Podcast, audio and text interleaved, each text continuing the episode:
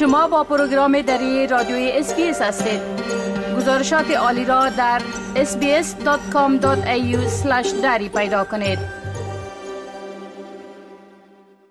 حکومت فدرالی از تصمیم خود مبنی بر ایجاد تغییرات در ویزه حفاظت موقت برای پناهندگان دفاع کرده است. این در حال است که وزارت دفاع اظهار داشته که حضور نظارتی خود را در سرحدات بحری در بخش شمالی استرالیا افزایش داده است. جناح مخالف می گوید که این اقدام وزارت دفاع نشان دهنده این نگرانی است که این تغییرات ویزا می تواند باعث آغاز مجدد ورود قایقهای قاچاق مردم به استرالیا شود. وزارت دفاع استرالیا می گوید که عملیات کشتی ها و هواپیمایی های خود را در آبهای شمالی استرالیا در بهبوهه انتقادات بر تصمیم حزب کارگر در مورد هموار ساختن راه برای اقامت دائمی هزاران پناهجو در اوایل هفته گذشته افزایش داده است. وایس ادمیرال دیوید جانستن درباره این افزایش حمایت از عملیات سرحدات مستقل و تعقیب درخواست Rear Admiral جانستن جونز قماندان این عملیات به جلسه استماعی کمیته تخمین سنا اطلاع داد. Vice Admiral جانستن در جلسه استماعی کمیته تخمین سنا در تبادل نظر با سناتور سایمن برمینگهم از جناح مخالف وضعیت را توضیح داد اما در مورد دلایل افزایش نظارت چیز نگفت. Specify the nature of the surge because it is uh, responding to the circumstance that the Commander of Sovereign Borders has asked us for, but it is of the nature of additional aircraft surveillance, uh, additional ships that are patrolling in our northern waters.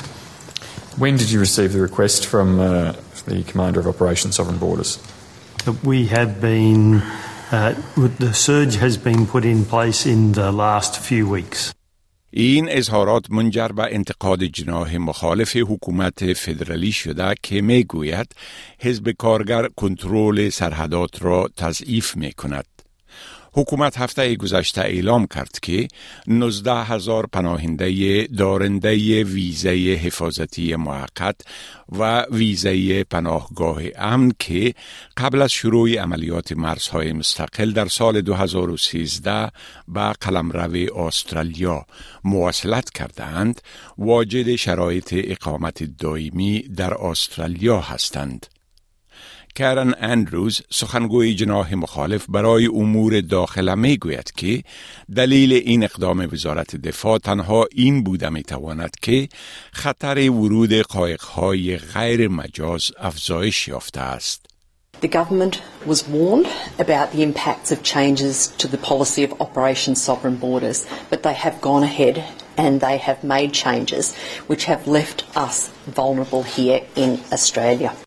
او حکومت را به از بین بردن بخش های مهم عملیات سرحدات مستقل متهم کرده است. Many of us would remember the impact of Labor's failed border policies. The boat arrivals, the people dying at sea, the visions of people being plucked out of the water. No one wants to see that happen again. اما صدر اعظم انتونی البنیزی ادعاهای مخالفان را رد کرده و می گوید که حکومتش بدون اینکه از نظر ترحم انسانی ضعیف باشد از سرحدات با شدت محافظت می کند. This government will be tough on borders without being weak on humanity. And that's the position that we took to the election and that's the position that we're implementing. پت کانرای وزیر توسعه بین المللی و ناحیه پاسیفیک اظهار می دارد که حکومت به پیروی از پالیسی های قوی سرحدی ادامه خواهد داد. I'm not going to comment on um, operational matters, but what I can say is this government remains firmly committed to Operation Sovereign Borders, and under that policy, every single boat is turned back or returned. Every single boat is turned back. That policy has not changed. Our commitment to Operation Sovereign Borders is there, and it remains resolute. در این زمان حکومت فدرالی اعلام کرده که تعداد ویزاهای اقامت دائمی برای مردم کشورهای پسیفیک را سه برابر خواهد ساخت. یک طرح قرعه کشی اعطای ویزا که از اول جولای آغاز می شود شامل سه هزار ویزای اضافی برای شرکت کنندگان واجد شرایط با سنین بین 18 تا 45 ساله از کشورهای پسیفیک و تیمور شرقی خواهد بود. این سیستم به روش مشابه سیستم green card ایالات متحده کار خواهد کرد که به طور تصادفی متقاضیان را انتخاب می کند و به آنها حقوق کار و یک مسیر احتمالی برای تابیت می دهد. متقاضیان باید یک پیشنهاد رسمی استخدام را از یک کارفرمای استرالیایی بطلبند و ماینات و آزمونهای صحت، شخصیت و زبان انگلیسی ابتدایی را موفقانه سپری کنند.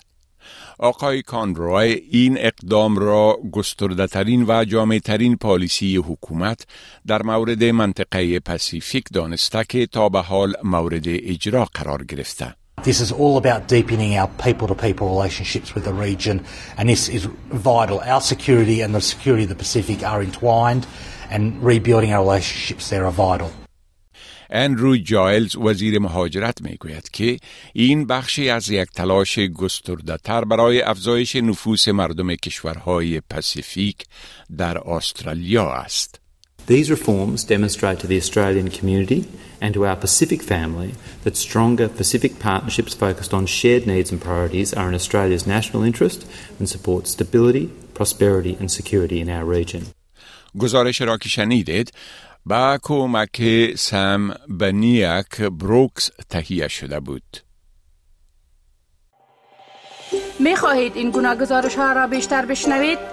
با این گزارشات از طریق Apple Podcast، Google Podcast، Spotify و یا هر جایی که پادکاستتان را می گیرید گوش دهید.